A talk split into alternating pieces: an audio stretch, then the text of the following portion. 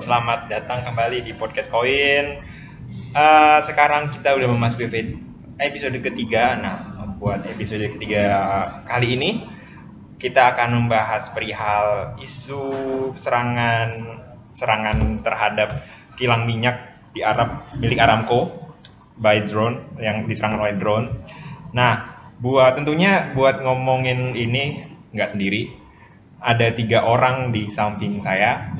Yang pertama, nah yang pertama ini sebenarnya dia ada eh, sebelum aku jadi podcaster, dia udah jadi podcaster terlebih dahulu. Cuman, Asik. cuman, cuman sekarang cuman episode satu aja kayaknya. Oh, ada susah inspirasi itu susah boy datangnya Oke. tuh harus ini Oke, udah ada kenalan diri dong. oke kenalin aku Dayan Eh, bisa cek podcast Renjana di Apple Podcast ya Eh, Kamu siapa? aku anggota koin anggota Anggota ya. Aman. Siap, siap, siap, siap. Sama. Dan yang kedua ada ada nah ini partner kerja saya. Ah, kenalan sendiri dong. Halo, em, aku Alga dari Divisi Pendidikan di Koin. Dan yang terakhir dia adalah Mela Huzaifa. Hmm. Janda, Halo, janda. ya, kenalan, kenalan. Halo, aku Mela Syaftiani, aku dari Divisi Risda. Nah, jadi oke, yang kayak tadi aku bilang, kita hari ini bakal membahas tentang eh, diserangnya kilang minyak milik Aramco oleh drone yang kita nggak tahu itu drone siapa sebenarnya ada ada ada ada indikasi ya ada indikasi itu diserang oleh Iran dan juga ada ada yang dari Houthi. Pokoknya itu lumayan bias sih. Nah, kalian ada yang ada yang komen ada yang mau komen nggak sebelum kita bahas diskusi soal ini? Ada yang mau komen soal isu ini? ada lah pasti ya kan mungkin Mungkin. dari divisi pendidikan dulu lah divisi Sebenarnya pendidikan malu-malu. ya kan. santai aja ya divisi pendidikan dulu Yo,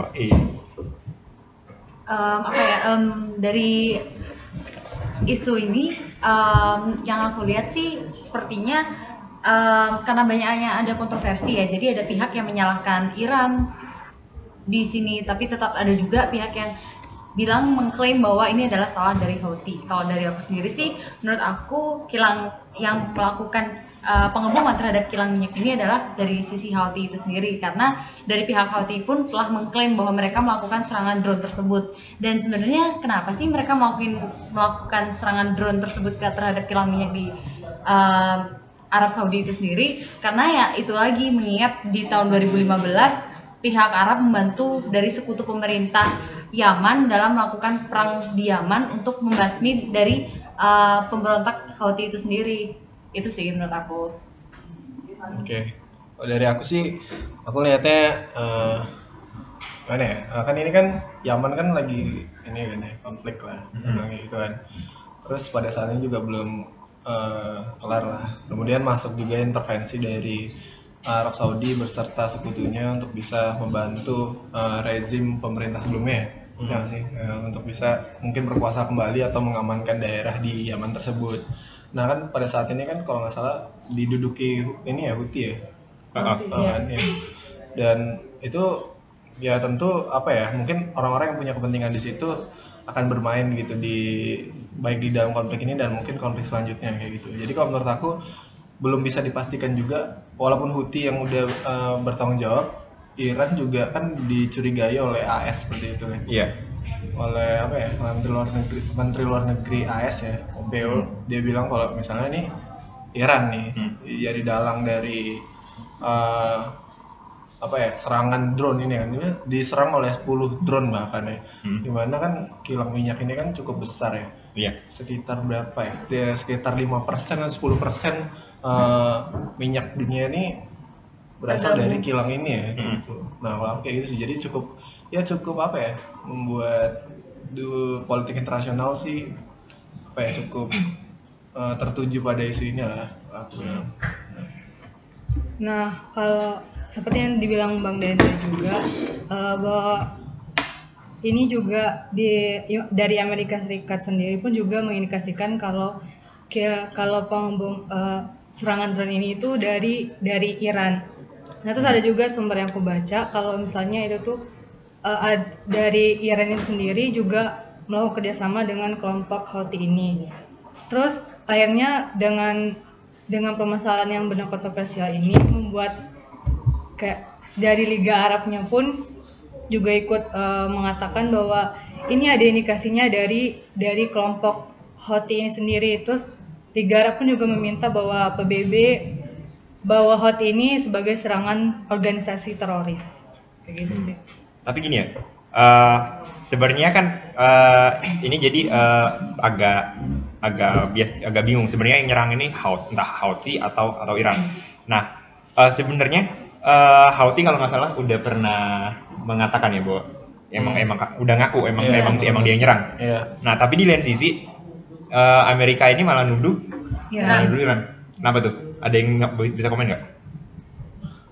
Aku sih komennya di gini aja sih kayak kan eh, Iran ini kan terkena sanksi ya, maksudnya Iya. yang eh, Sanksi embargo. eh, bener yang eh, masalah nuklir kan. Iya. Dan kemudian Amerika Serikat tahun berapa sih narik diri dari perjanjian 2018. Oh, 2018 baru sih ya. Mm. Terus mereka keluar dari situ dan ya apa ya?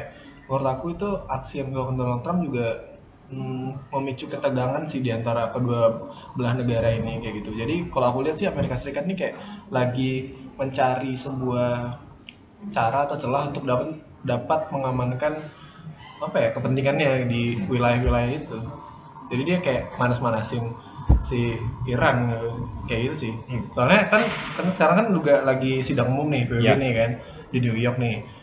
Itu tuh para diplomatnya si Iran ini dan bahkan uh, presiden ya presiden Iran ini uh, sulit mendapatkan visa kayak gitu. Hmm. dan dilarang berkeliling New York mereka nih uh, presiden Iran nih. Dia aja- dia cuma hanya boleh di dekat eh apa di sekretariatnya UN kayak gitu. Dia nggak Jadi nggak nggak bisa belanja- nggak bisa belanja gitu ya? nggak bisa ini ya nggak bisa bisa belanja belanja di New York gitu, foto-foto. Eh, nggak bisa. Dia cuma kalau aku kalau aku yang aku baca ya jadi dia kayak masih ya udah kayak dia cuma di hotel aja. Terus kayak speech di uh, General Assembly aja kayak gitu aja. Historinya si presiden Iran ini sepi kayaknya. Soalnya nggak boleh nggak boleh nggak boleh keluar keliling-keliling New York. Heeh. Nah, jadi ya gitu ya. Kita balik lagi ke ke penyerangan kilang minyak tadi nih. Eh, kan Arab ini bisa dibilang Arab ini bisa dibilang itu sebagai salah satu negara walaupun bukan terbesar ya walaupun walaupun bukan terbesar tapi eh, posisi Arab dalam konteks eh, negara penghasil minyak ini kan posisinya penting benar Nah, dan Aramco ini juga kan eh, untuk eh, dikatakan sebagai produsen minyak juga perusahaan besar. Nah, sebenarnya eh, ini seba- impact-nya seberapa besar sih ke ke dunia minyak kayak gitu? Oke, kalau dari yang baca sih, dari adanya penyerangan drone ini itu menurunkan 50% sendiri dari uh, penyedia minyak dari Aramco itu sendiri. Dan sangat mempengaruhi pasar global yaitu sebesar 5%. Nah, ada juga nih tanggapan dari atau respon dari organisasi salah satu organisasi internasional yaitu OPEC. Nah, mereka merespon bahwa adanya penyerangan terhadap drone ini menghambat pemasukan eh, minyak di pendistribusian minyak ke dalam pasar global. Dan itu sangat-sangat mengganggu terutama Arab ini sangat terkenal sebagai satu-satunya negara yang sebagai penyumbang stok minyak apabila ada eh, Krisis. krisis seperti bencana alam ataupun perang. Nah, negara Arab Saudi ini sepertinya menjadi satu-satunya negara yang benar-benar diandalkan nih oleh banyak negara sebagai stok cadangan minyak mereka salah satu yang terbesar. Itu sih. Terus juga da- karena dari minyaknya dari drone ini kan buat masalah eh, bikin kurangan minyak kan, jadi memang benar kontroversial secara global seperti yang dibilang tadi Kalda. Terutama itu bagi Amerika Serikat sendiri yang benar-benar juga butuh banget tentang minyak. Akhirnya eh, minyak di negara-negara-negara kayak di Amerika itu jadi mahal banget, jadi mahal banget. Terus akhirnya eh, kan mereka jadi kesan pem- pemasukan minyak terus makanya da- maka dari itu Amerika eh, siap untuk membantu Arab Saudi ini untuk melindungi Arab Saudi ini dari penyerangan-penyerangan selanjutnya kayak gitu. Oke, eh, ngomongin OPEC tadi ya, kan sebenarnya sejak tahun berapa ya? 2016 atau 2017 kalau kalau nggak salah, koreksi kalau aku salah. eh res- merespon sebenarnya kan eh, itu eh, harga minyak itu sempat turun. Nah, nah sejak tahun 2017 sam- atau 2016 aku lupa, itu tuh pasokannya atau produksi minyak itu dipangkas. Tujuannya biar apa? Tujuannya biar harga minyak ini, ini, ini naik. Nah, ketika Aramco ini diserang oleh drone, artinya kan uh, pasokan minyaknya berkurang. Nah, artinya impactnya cukup besar dong. Iya dong. Jadi harga-harga minyak di seluruh negara otomatis gas naik banyak banget sekarang bahkan negara-negara yang apa ya istilahnya menaikkan harga minyak mereka karena yaitu salah satunya adalah terhambatnya stok pasokan minyak dari Arab itu karena Arab merupakan salah satu negara yang paling berperan. Indonesia enggak? Indonesia naik sih? Enggak ya? Enggak. Premium eh premium. Pakai premium masih? Enggak dong, Pertamax. Pertama. Uh, yoi. Masih kalah sih Indonesia. Kalah, kalah gimana? Kalah lah dibandingkan sama Arab. Kok gitu? Ya iyalah, produksi mereka salah satu yang paling diandalkan di seluruh dunia. Nih, tapi tapi gini menarik nih.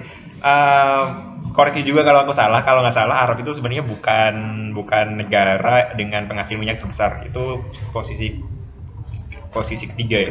Nah, yang paling tinggi itu sebenarnya Arab. Eh, Arab sorry, Amerika. Nah, sebenarnya kan kalau misalnya kalau misalnya produksi produksi dari Arab ini uh, terganggu, kan paling tidak dari Amerika bisa membackup lah nggak bisa kayak gitu ya artinya bisa harga minyak dengan backupan dari Amerika mungkin bisa menstabilkan harga minyak yang pasokannya dari Aramco ini uh, berkurang karena ada drone nah dari Arab dari Amerika ini bisa membackup biar harga stabil itu nggak bisa kayak gitu ya? bisa sih seharusnya karena ya seperti diketahui uh, angka paling tinggi pemasokan minyak itu bersumber dari Amerika dan yang kedua itu Cina. Nah, kalau tapi ini ya berdasarkan data dari um, salah satu organisasi internasional lain, Energy International Energy Agency, mereka menyatakan bahwa um, pasokan minyak di dunia sebesar 3,3 juta barel per hari atau disingkat BPH. biasa BPH ya. badan ya. bukan bukan barel per hari nah 2,7 jutanya itu adalah dihasilkan dari Arab Saudi itu sendiri nah mungkin dari itu karena kenapa negara-negara lain tuh sangat mengandalkan Arab Saudi dalam hal ini uh, sebenarnya juga uh, kan Amerika tuh juga juga emang penghasil minyak terbesar cuman tuh Amerika tuh benar apa tuh mempunyai kerjasama dengan Arab Saudi kayak misalnya tuh lebih banyak hmm. kebutuhan minyak di Amerika jadi makanya Amerika tuh harus kerjasama dengan Arab Saudi seperti itu sih. Okay. Oh, jadi jadi sebenarnya juga uh, Amerika walaupun dia punya cadangan minyak yang besar itu juga ngandelin dari Arab ya karena iya. mungkin juga itu. Dia uh, dia lihat ke depan juga. Jangan sampai cadangan kita habis. Benar. Uh. benar. Sama sih kayak kayak tentunya dia pasti memikirkan apa ya keseimbangan sih awalnya sih. Ya. dengan dengan apa ya permintaan yang cukup tinggi di mungkin di seluruh dunia. Kemudian ya kalau misalnya satu aja ada yang rusak pasti gimana pasti bakal terganggu walaupun si AS punya hmm. yang lebih besar juga gitu kalau tadi masalah mungkin kayak mempertimbangkan kelangkaan nanti di masa depan ya juga gitu kan kayak itu sih kalau misalnya kalau kita lihat uh, Qatar udah keluar dari OPEC nih. Yeah. Qatar udah keluar dari OPEC yang kemudian mereka ingin berpindah apa ya haluan energi lah gitu kan. Hmm. Ya itu mereka udah memikirkan masa depan tuh kayak gitu sih. Oke. Okay. Terus uh, ada kalian itu nggak uh, coba ini sorry ya sebenarnya sebenarnya aku belum belajar sama sekali. Uh, kalian itu nggak sih uh, menemukan ada keterlibatan OI OI lain selain OPEC atau tadi kita sempat serempet dikit uh, Liga Arab gitu ada ada ada apa respon mereka terhadap isu ini? Uh, kalau dari Liga Arabnya sendiri ya itu tadi mereka uh, dari Liga Arabnya itu dari Parlemen Liga Arabnya itu meminta ini jadi pembahasan isu di uh, isu tentang intervensi tentang minyak ini di di PBB. Hmm. Terus juga Liga Arab tadi seperti yang dibilang tadi kalau uh, meminta PBB bahwa yang kelompok Houthi tadi itu sebagai organisasi teroris oh. gitu. Itu sih. Kalau dari OPEC sendiri sih seperti yang tadi udah aku singgung ya, yeah. itu uh, mereka sangat menyayangkan sih adanya pengeboman terhadap pasokan minyak yang ada di Arab Saudi ini karena benar-benar sangat sangat mengganggu uh, pasokan minyak di secara global. Oh, karena itu dampaknya adalah yaitu peningkatan harga minyak yang sekarang mungkin bisa dibilang mengkhawatirkan mengingat uh, adanya juga uh, banyaknya negara-negara yang masih dalam kondisi berperang. Oleh karena itu cadangan minyak harus um, apa ya istilahnya harus kita pantau untuk selalu tersedia dan kita nggak boleh kekurangan. Istilahnya seperti itu. Ada respon dari OI lain nggak? Nggak ada. Ya? ya mungkin ada cuman tidak se seheboh dua negara ini. Iya. Eh dua negara ini, dua IO ini. Iya. Nah karena sebenarnya kita udah ngomongin organisasi internasional, jadi kita sah sebagai podcast koin. Jadi nah, ke depannya, ke depannya, ke depannya, ke depannya kita nggak apa-apa ngomong-ngomong ngawur. Eh kok ngomong ngawur sih nggak juga sih. Uh, ngomong di luar OI. Ada respon mungkin? Nah kalau kita ngomongin tadi ya, uh, ngomongin soal kita balik lagi ke uh, isu pengeboman, penyerangan oleh drone da kepada kilang minyaknya Aramco ini kan itu yang dituduh ya, yang dituduh uh, salah satunya adalah Iran. Hmm. Ya nih. Nah di UN di PBB uh, Hut, eh kok Huti? Si Ruhan, Ruhani. Hasan Ruhani. Ruhani. Itu tuh dia bilang apa buktinya kalau kalau uh, kalian nyerang nyerang kalau kami nyerang kilang minyak ini? Dan toh di lain sisi juga kan si Houthi ini uh, udah mengklaim. udah ngeklaim dirinya sendiri bahwa ya emang emang kami yang nyerang kok. Ada ada respon dari kalian sebenarnya itu lucu juga sih. Soalnya yaitu dari pihak putihnya sendiri sudah mengklaim bahwa mereka yang melakukan pengeboman dan bahwa mereka adalah pelaku dari kejadian tersebut. Namun pihak Amerika dan pihak Arab masih membantah dari Houthi itu sendiri bahwa mereka menganggap itu bukan salah Houthi tapi salah Iran. Nah kalau dari um, yang aku baca tadi itu bahwa uh, ditemukan uh, adanya rudal-rudal yang terjadi di Arab Saudi tersebut itu adalah miliknya Iran. Hmm. Seperti itu. Oleh karena itu mengapa Arab Saudi dan Amerika masih tuh uh, berpikiran bahwa dalang dari peristiwa ini adalah Iran. Tapi gini, kan uh, itu dia si Rohani itu bilang apa buktinya? Nah, buktinya ini ya berapa selongsong apa peluru peluru ya peluru peluru yang peluru, ada di ya? rudal nah sebenarnya aku nggak expert di bidang pertahanan ya tapi kalau nggak salah ketika kamu punya senjata kamu punya alutsista atau apa ya kamu juga harus transparan gitu. Artinya kalau misalnya Iran punya peluru ini Iran punya senjata ini ya harus di report nah ketika ketika uh, ketika ditemukan misalnya di Aramco itu ada ada peluru dari kasarannya peluru dari Iran ya itu adalah bukti. Dan kenapa sebenarnya si Ruhani itu kenapa masih mengelak? Apa buktinya? Masih bilang kayak gitu kan mungkin ya, oke okay, rudal itu emang berasal dari Iran nih. Tapi bisa jadi yang rudal yang didapetin dari Iran itu bukan um, atas kerjasama mereka dengan Houthi. Bisa aja pada perang antara Yaman antara pemerintah Yaman dengan suku dengan pemberontak Houthi emang di, benar-benar di backup tuh sama Iran. Iran membantu menyuplai um, sebagian senjata-senjata ke pemberontak Houthi itu tersebut. Nah, bisa jadi tuh rudal itu merupakan salah satu rudal yang menjadi suplaian untuk membantu perang di Yaman. Sebenarnya bukan tujuan Iran sih sebenarnya bukan untuk menggunakannya ke um, untuk melawan Arab Saudi itu sendiri, tapi uh, tetap apa ya gimana ya bilangnya? Hmm, itu adalah uh, ide dari si Houthi itu sendiri tanpa ada adanya kerjasama oleh Iran. Oleh karena itu kenapa uh, Presiden Iran yaitu Hasan Rouhani tetap uh, mengecam bahwa mereka benar-benar menolak bahwa mereka tidak melakukan tidak menjadi dalang atas peristiwa tersebut gitu tuh. Ada tanggapan lain mungkin?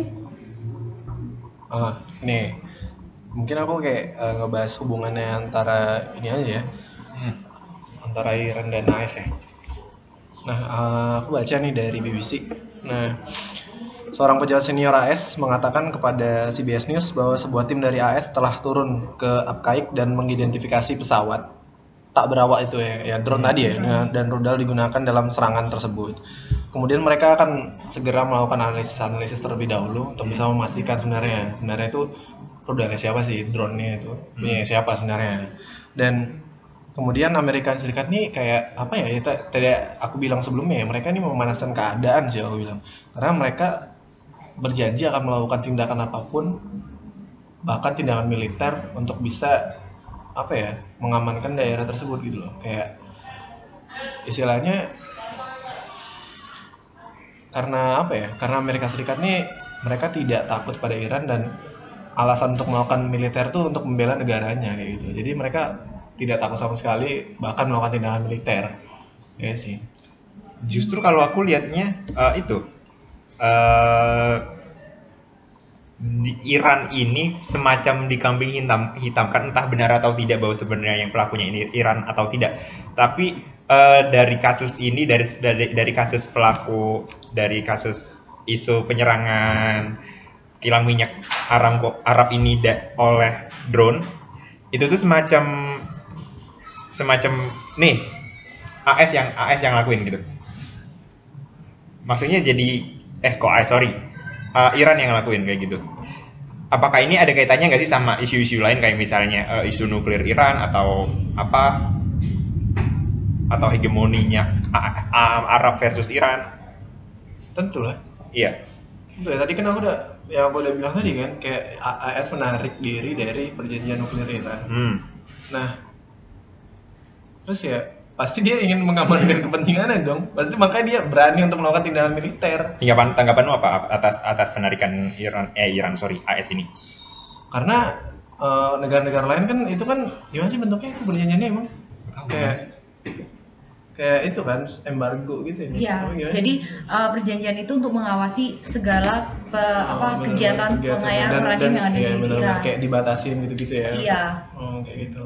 Dan semenjak uh, Amerika Serikat keluar dari perjanjian tersebut, ya mereka langsung uh, melakukan sanksi embargo kembali Hmm. terhadap Iran.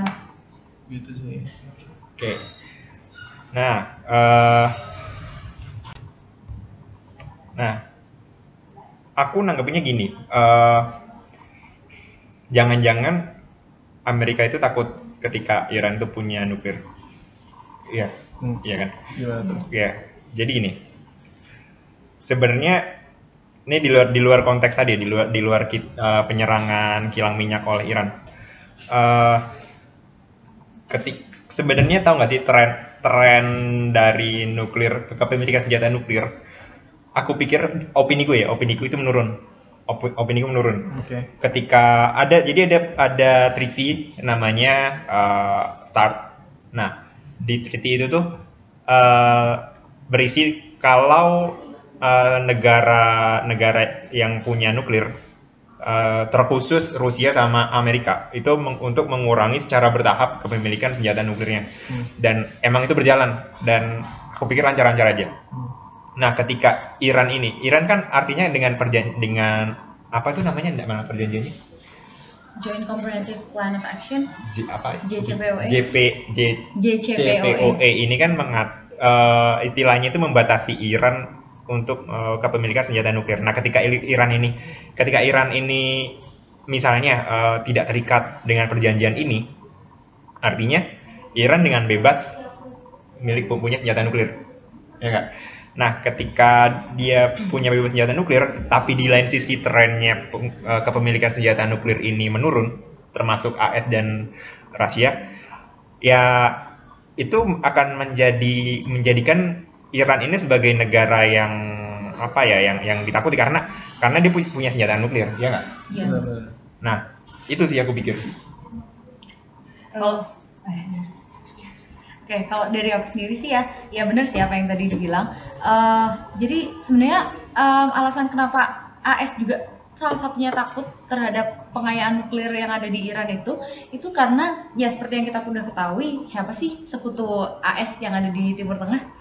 Eh, Arab Saudi kan. Hmm. Nah, oleh karena itu eh, dia dia nggak pengen gitu Arab apa hegemoni Iran itu eh, melebihi dari Arab Saudi itu sendiri. Mereka Hmm. pengennya tetap Arab Saudi yang menjadi hegemoni yang ada di Timur Tengah itu sendiri. Mereka tetap mementingkan sekutu mereka dong, kepentingan mereka karena ya itu lagi balik karena adanya hubungan kerjasama yang kuat antara Amerika Serikat dan Arab Saudi itu sendiri. Hmm. Emang gitu sih ya, emang Amerika Serikat nih di beberapa region tuh memang memiliki sekutu ya, kalau kita tahu Hmm. kan ya. Dan nggak hanya masalah ini, masalah Israel dan Palestina juga kita tahu sendiri, gila tuh AS belain Palestina, eh belain si Israel. Bahkan eh, voting buat Israel aja di Dewan Keamanan tuh bisa kalau nggak salah tuh 40-an lebih, 47-an lebih tuh hanya untuk membela si Israel ini gitu. Di mana kita tahu bahwa kepentingan AS di Timur Tengah ini kan sangat apa ya sangat kuat sangat pengen mengamankan daerah-daerah yang dianggap mereka membawa keuntungan untuk mereka gitu kan. jadi kalau aku lihat sih wajar sih ya apa yang dilakukan AS ini untuk bisa untuk bisa apa ya, ya itu tadi ya mencapai kepentingannya dengan segala teori realis gitu tuh udah kelihatan banget gitu loh Sebenarnya juga menurut aku uh, AS sendiri itu sebenarnya ada yang merasa terancam gitu dengan Iran. Ada yang merasa ketakutan bahwa ya mereka yang dari dulu sebagai negara superpower gitu kan. Hmm. Sedang apalagi Iran sekarang benar menghasilkan nuklir yang itu jadi membuat Amerika itu merasa terancam. Eh, takutnya nanti bahkan Iran ini bisa mengalahkan mereka kayak gitu. Makanya Amerika Serikat itu selalu mem- memprovokasikan bahwa Iran itu buruk kayak gitu. Bahwa semua terindikasi itu kepada Iran kayak gitu sih. Nah, aku tadi tertarik soal yang yang yang yang ngomong kalau eh, nggak peduli gimana Israel si AS ini bakal belain Matian mati-matian. Iya, mati-matian. Nah, eh sorry ya kita kita eh, bahasanya bahasannya ke mana-mana karena emang karena emang tujuannya karena emang aku peng, kami pengen eh, diskusinya ini nggak kaku di situ-situ aja jadi bisa ke- bisa ke mana-mana aja nah eh, terkait dengan eh, Amerika yang bela-belain Israel ini aku sempat punya opini gini. Jangan-jangan beberapa presiden Amerika it- itu baik. Misalnya Bar- yang aku tahu itu Barack Obama. Di jangan-jangan ada salah satu presiden yang aku singgung di sini Barack, Barack Obama. Mungkin ada yang lain lagi yang punya yang punya simpati terhadap Palestina. Cuman gara-gara tekanan di dalam pemerintahannya benar-benar jadi dia terpaksa Benar. dia pro pro Israel. Iya benar karena emang emang gini ini ini fakta nih bukan bukan bukan ya mungkin aku ini juga tapi ini bukan apa itu namanya Eh, konspirasi konspirasi jadi eh, posisi pengaruh dari lobby Yahudi jadi nah benar-benar lobby Yahudi ini Benar. sebenarnya kuat banget di di Siap. Amerika Serikat Hmm. Nah, aku sempat ngikutin soal yang pemuk- pemukiman ilegal yang ada di uh, Israel. Sebenarnya Pak ada di di wilayah mana aku lupa tepatnya. Jadi di Israel itu ada pemukiman ilegal. Nah, di ada satu resolusi aku nggak tahu nomornya nomor resolusinya itu nomor berapa yang menyebutkan uh, bahwa pemukiman itu ilegal. Nah, selama bertahun-tahun itu resolusi itu nggak pernah lolos. Nah, ketika Obama ini mau lengser, iya baru uh, Amerika itu ngambil ambil abstain. Nah, dari situ aku uh, ber- beropini jangan-jangan Obama ini punya uh, punya simpati ke, ke terhadap Palestina. Hmm. Cuman posisinya yang sebagai presiden sebagai kepala pemerintahan Amerika Hmm. di mana di Amerika itu lobby Yahudi itu sangat kuat. Benar. Ya, dia jadi uh, sangat sulit untuk menunjukkan simpatinya ke Palestina. boleh sih kayak aku juga sempat eh, dengar-dengar berita kayak gitu juga sih benar kata Lucky bahwa lobby orang-orang Yahudi di pemerintahan Amerika Serikat sebenarnya udah jauh lama terjadi sih kalau aku lihat. Dari masa presiden ke presiden. Ini terbukti kalau aku bilang ya kenapa konflik Israel Palestina belum nggak pernah selesai Hmm. belum pernah selesai dan nggak tahu apakah selesai atau enggak. Yang di mana coba kalau bayangin puluhan voting hanya untuk Israel gitu loh. Itu kan udah kelihatan banget tuh kan. Dari situ Ah. bisa ngelihat dan menganalisa kalau memang Amerika Serikat nih waduh ini sobatnya karibnya banget nih sama si Israel gitu Hmm. ya sih ya gue kayak waduh ini kondisi perpolitik internasional nih hanya apakah hanya eh, tertuju pada Israel Palestina ternyata sekarang geser nih ke masalah eh, pengeboman, eh, pengeboman minyak ini kilang minyak Nah, kita balik lagi ke sorry nih ya, eh, sorry kalau kita muter-muter. Nah, balik lagi ke isu yang tadi Eh, pengeboman serangan dari drone. Nah, eh, kira-kira ada nggak sih eh, dampak nyata, dampak nyata yang dirasakan oleh beberapa region mungkin atau beberapa negara ada nggak? sih?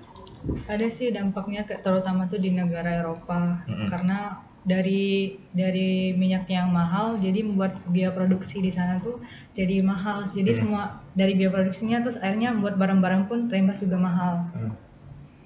Kayak gitu sih sebenarnya. Jadi, Iya. jadi Eropa masih pakai minyak.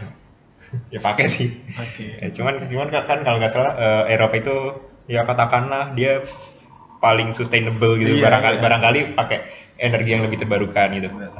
Tapi mas nyatanya berat, Masih. nyatanya masih eh, pakai minyak. Ya jadi ya wajar sih ke negara-negara Arab itu sebagai penghasil minyak utama bisa dibilang eh, negaranya kaya kaya cuy. Tiap hari duitnya nggak bisa habis dari jualan minyak. Nih namanya Sultan bro. Ju- jualan minyak aja kali ya.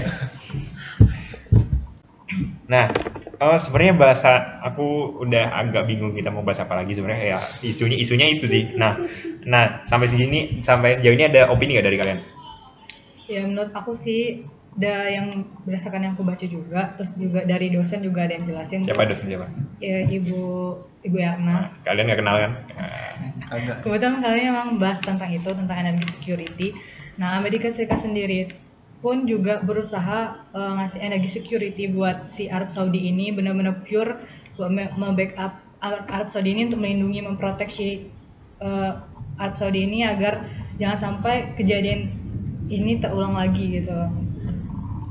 Sehingga eh, biar tidak berdampak lebih jauh lagi ke Amerika Serikat sendiri ataupun ke negara-negara lain.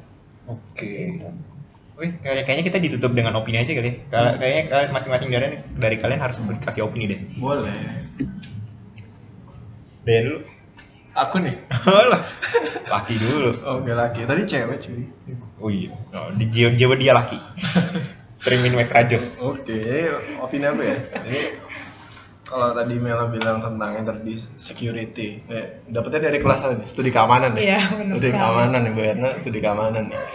Eh, bener sih ya kata Mela di mana pasti dia untuk bisa membuat apa ya balance di antara kepentingannya di beberapa region apalagi nih masalah isu minyak cukup apa ya karena ini masalah energi gitu kan pasti ini sangat dibutuhkan. ah, sangat dibutuhkan gitu loh untuk uh, keberlangsungan kehidupan di masa depan gitu kan ya. Jadi mereka pasti paham lah kepentingannya gimana.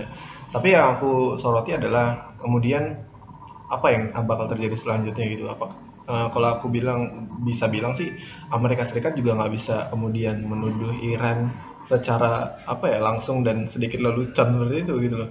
Karena dampaknya cukup besar satu. Kemudian apa ya?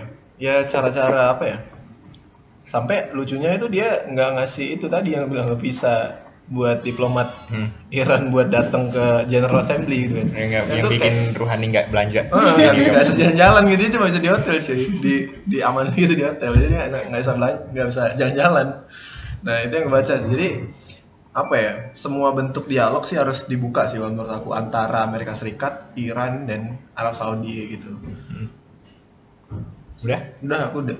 Hmm, dari sore, aku, dari aku sendiri sih, em, ya itu tadi sih mungkin karena karena ini masih jadi kontroversi sih antara siapa sih sebenarnya pelakunya antara Iran kah atau Houthi kah. Menurut aku sih pihak Arab sendiri harus apa ya melakukan pengecekan lagi dan apa ya untuk eh, biar tidak ada nih istilahnya kilang minyak ini udah dihancurin nih. Hmm. Nah terus habis itu masa mau diperparah sih antara em, perang antar negara lagi nah itu kan bakal memperparah kondisi eh, perekonomian maupun perpolitikan di dunia kan nah, oleh karena itu biar itu bisa terhindarkan menurut aku sih si pihak Arabnya sendiri ini juga apa ya istilahnya nggak boleh asal nuduh sih dan Hmm. mereka harus benar-benar cari bukti yang kuat apakah ini benar-benar dilakukan oleh pihak Arab eh pihak Iran ataukah pihak Houthi itu sih Oke, eh, itu opini dari dari ketiga tamu saya.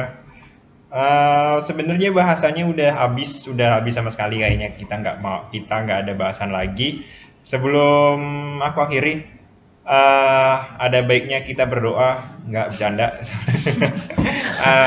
Kak, aku aku mau ngasih tahu eh, tanggal 18 tanggal 18 itu ada yang ulang tahun tapi nggak tahu siapa.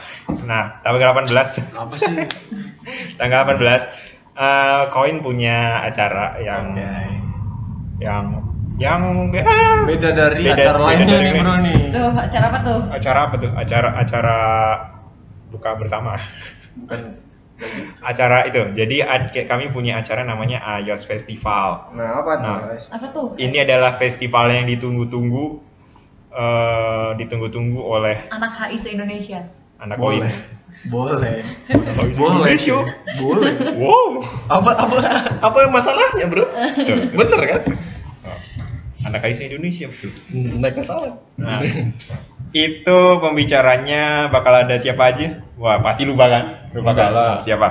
Pertama itu ada Alexander Faite, kalau nggak salah bacanya. Oh. Nah itu ya, dia the head of ICRC Indonesia. Ba, eh, kemudian kita ada dari Kementerian Luar Negeri, Direktorat HAM dan Kemanusiaan. Nanti bakal ada hmm, dari Eselon 3 kalau nggak salah, Hmm. Ibu Orin. Itu nanti bahas isu humanitarian sama sih ya. Hmm. Tema besarnya kan itu ya, bahas isu humanitarian. Terus nanti ada dosen HIUPN juga, Bapak eh, Nicholas Loy. Hmm. Kemudian nanti dipandu karena ini talk show Hah? pasti bakal lebih seru. Kita punya host yaitu Bapak Tommy ya. Bapak Tommy. Dia Bapak Tommy. kuliahnya di Manchester ya? Iya, jual-jual Manchester nih bro. MU? MU ini lagi ini. Ya kan dia supporter City. Oh iya. Untuk apa support eh, tim yang lagi bobrok? Oh iya bener ya. Oke. Nah, sepertinya akan beralih ke podcast bola. Podcast koin ini. Oke. Box ya? Tidak penting, tidak penting, tidak penting. Ah, Oke, terima kasih teman-teman yang sudah ah, mendengarkan ah, obrolan kami. Saya pikir ada sekitar 10 menitan obrolan yang sebenarnya nggak penting, tapi ya udah biarin aja lah biar seru. Oke, terima kasih sudah mendengarkan eh, podcast ini. Sampai jumpa di episode selanjutnya. Bye bye. Bye bye. Lambaikan tangan dong. Bye-bye Bye-bye. semua. Nah, it- mereka melambaikan tangan ke kalian semua. Bye bye. Bye bye. Love you.